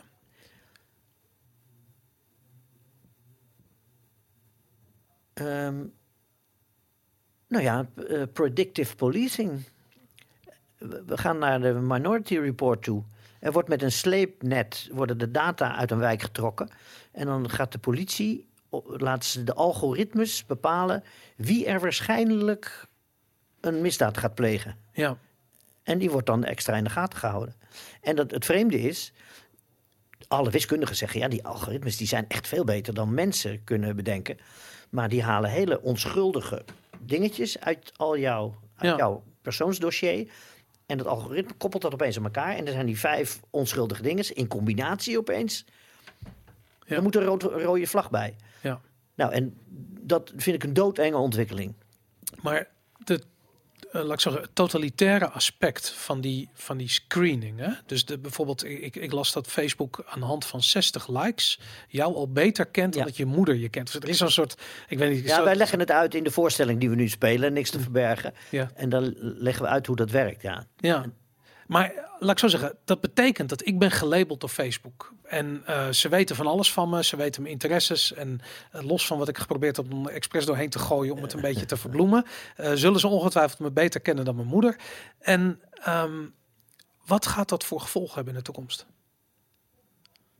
Nou, de, de, de, de democratie bestaat niet meer. Daardoor, het maakt niet meer uit wie wij kiezen of zo. Dus er is een veiligheidsdeep state Ja, die, die, die, die, die onverslaanbaar is. En in, in de handen van die eh superelite wordt dat een machtsmiddel bij uitstek. maar dat betekent, laat ik zo zeggen, betekent dat dan straks dat als wij het over 11 september hebben in een podcast, dat we uit ons bed gesleurd worden en ergens in een geheime gevangenis verdwijnen? Of, Nee, eh, nee, nee, want ze, de- ze zijn ook heel erg. Nee, mensen zijn heel erg slim boven. Dus be- eh, bepaalde. Er is een enorme eh, tolerantie. Ja. Waar ligt de grens? Wat, wat is Dus dan het laten, doel? Nee, dus ze laten ons openlijk dit doen allemaal. Maar wat, wat is, laat ik zo... De kritische grens, volgens mij, ik weet niet eh, wie dat is, een denker, Chomsky. Die zei ze laten het nooit boven de 20% komen. Als 20% ons onderzoek met ons mee Ja. gaat doen en inderdaad vragen gaat stellen over de 9-11, dan zal er repressie komen. maar eh, Maar zeggen, tot 20% mag het allemaal. er is toch een onderzoek dat al 47% van de Amerikanen het officiële verhaal niet gelooft van 11 september? Ja. dus En eigenlijk 80% weet al dat de moord op Kennedy niet door Lee Harvey Oswald. daarom. alleen. Ik bedoel, als je kijkt op YouTube naar Loose Change of de trailer, je ziet miljoenen views. Ja. En er wordt, ik bedoel, het is gewoon oké, weet je. Ik bedoel, dat is niet als YouTube zoiets heeft van, nou, dat gooien we eraf of zo, weet je. Terwijl ik juist heb als je, eh, weet, weet, weet ik veel... eh, Nee, want YouTube verdient aan, ho- hoe controversiëler, hoe meer traffic. ja, dus ik heb zo, advertenties kunnen Maar, maar ik heb dat zoiets van, daar zit het uiteindelijk het doel in. Het doel zit hem aan de, aan de geldkant ervan. Het doel zit hem aan de businesskant van deze, eh, van deze ontwikkeling. En het maakt, denk ik, uiteindelijk aan het eind van de rit niet uit of je A denkt of B denkt of twijfelt aan dit of twijfelt aan dat. Uiteindelijk gaat het erom van eh, in hoeverre ben je eh, eh, gewoon aan het consumeren. Ben je mee aan het doen aan het systeem en ben je het in stand aan het houden. En, en die onrust, vijandbeelden. We moeten vooral met elkaar gaan vechten, zodat we niet naar boven kijken. We Ja. moeten tegen die elite vechten. Ja, Maar die zorgen wel van bovenaf dat wij elkaar aanvallen. Ja, ik heb een keertje een, eh, eh, een theorie gelezen over dat eh, de We Are Change, hoe heet die, die Occupy Wall Street, Ja. dat, ze, dat men zo geschrokken was in New York en in Wall Street van wat daar gebeurde. En vooral dat het een soort van sociale onrust via social media opwekte. Dat wat we nu meemaken, de extreme polarisatie over sociale politiek eigenlijk online op Twitter of Facebook of whatever, ehm, dat dat eigenlijk de, de reactie daarop is. Dus er wordt veel meer gehandhaafd, er wordt veel harder opgetreden Ja. tegen eh, Gele hesjes. Ja. bijvoorbeeld gele hesjes. Het doodzwijgen van de gele hesjes. Laat, ja, ik, ik, wil, ik, ik verbaas me daar elk weekend weer over. Dat is ongelooflijk hoe weinig wij de beelden te zien krijgen op het NOS-journaal. Hoe Terwijl kan dat? internet vol staat. De Ripleys, die, die, die, die zenden 24-7 uit bij die demonstratie. Daarom. En de, de, En de hier- ogen die eruit geschoten worden met Ja. rubberen kogels, de ellende. Ontploffende handen, Ja. eergisteren. Wat, wat is dat? Hoe, hoe moeten wij in Nederland naar onze media kijken? Eh, ja, dat is volledig. eh, In, ja, dat, dat, dat is business geworden. Eh, En het is een heel smal pad. Dat verhaal moet verteld worden. Dus alle kranten staan vol met hoe slecht Maduro niet was voor voor zijn volk. Ja, De tegenkant, dat Amerika al tien jaar bezig is om dat land kapot te maken, dat lees je niet in de MSM. Dan moet je het internet voor op. Ja. Dus het is heel erg eenzijdig. Maar is het ook niet dat... dat Poetin is het boze, is het kwade en in China moeten we voor oppassen. Maar, de- maar zegt het niet ook wat over Nederlanders? Dit is gewoon, wij willen gewoon een kant-en-klaar verhaal. We willen niet misschien dit en het is ook een beetje dat. En het is, want Maduro maakt er ook een tyfusbende van. En Amerika is Ja. natuurlijk ook eh, eh, op zoek naar een olie, eh, volgend olieslachtoffer. En als Amerika het niet doet, dan doet China of Rusland het Ja. wel. Dus het is natuurlijk ook een, een- het is zo grijs allemaal wat er gebeurt. ja. Dat het, en ik bedoel, die, ik, ik heb dan het idee van ja, zo'n krant of zo'n zo'n media outlet, die, die moet jouw aandacht maar zien te vangen in één headline. En dat, dat moet een absolute waarheid zijn. En het liefst iets waar je bang voor moet zijn, of weet ik veel, zodat je erop klikt en het gaat lezen. En that's it. En dan houdt het op. Nee, maar ik, ze leren wel wat. Ik ben een enorme. Ik ben al jaren lid van Follow the Money. Dat vind ik geweldig wat ze doen. Ja. De correspondent Ja. eh, volg ik al jaren. Dus er zijn best eh, allerlei initiatieven. De- van die journalistencollectieven die bijvoorbeeld de Panama Papers hebben eh, blootgelegd. Ja. Dus er is wel degelijk wel weer een soort revival van eh, eh, onderzoeksjournalistiek. Ja. Maar de, de- de- die zitten niet meer bij de gewone kranten, bijna. Ja, Eh, nog heel als laatste, want je gaat de, de, de, de- in de privacy discussie was laatste gast Ja. bij eh, eh, De, de wereld draait door. De wereld draait door inderdaad. Nou, toen was er één eh, journalist van Tweakers volgens mij die eh, eh, had eventjes haarfijn uitgelegd wat er niet klopte aan wat er gezegd werd aan het beeld. Wat, wat, wat, wat vond je daarvan? Nou, er was eigenlijk maar één hele grote verspreking van mijn collega Tom de Ket. Die zei dat wij voor een voorstel nooit met deskundigen praten. Hij bedoelde belanghebbenden. Ja, oké, oké. We praten heel veel met deskundigen. We lezen alles wat los en vast zit. Ja, En, eh, en ik, ik gaf het gechargeerde voorbeeld weer over die algoritmes en die massasurveillance. Dat het feit dat je in een moslimwijk woont en als je extra kunstmest koopt, dat dat een rood vlaggetje bij elkaar kan opleveren. ja, Het voorbeeld is gechargeerd, maar dat is wel hoe de algoritmes werken. ja. En daar werd overheen gevallen dat die, de AIVD. We, we werden meteen uitgenodigd door Dick Schoof. Gisteren zat ik twee uur lang met Dick Schoof. En eh, die had twee bloedmooie AIVD-dames aan weerszijden van hem zitten.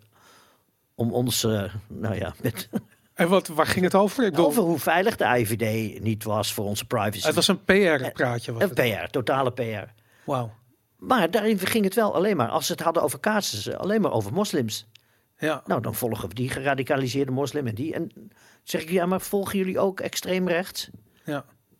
Ja, oh ja, ja, natuurlijk. Ja, die volgen we ook. Maar En vooral volgen je ook de krachten die aan die polarisatie meedoen. nee, daar zijn ze niet mee bezig. Nee. Ze hebben een.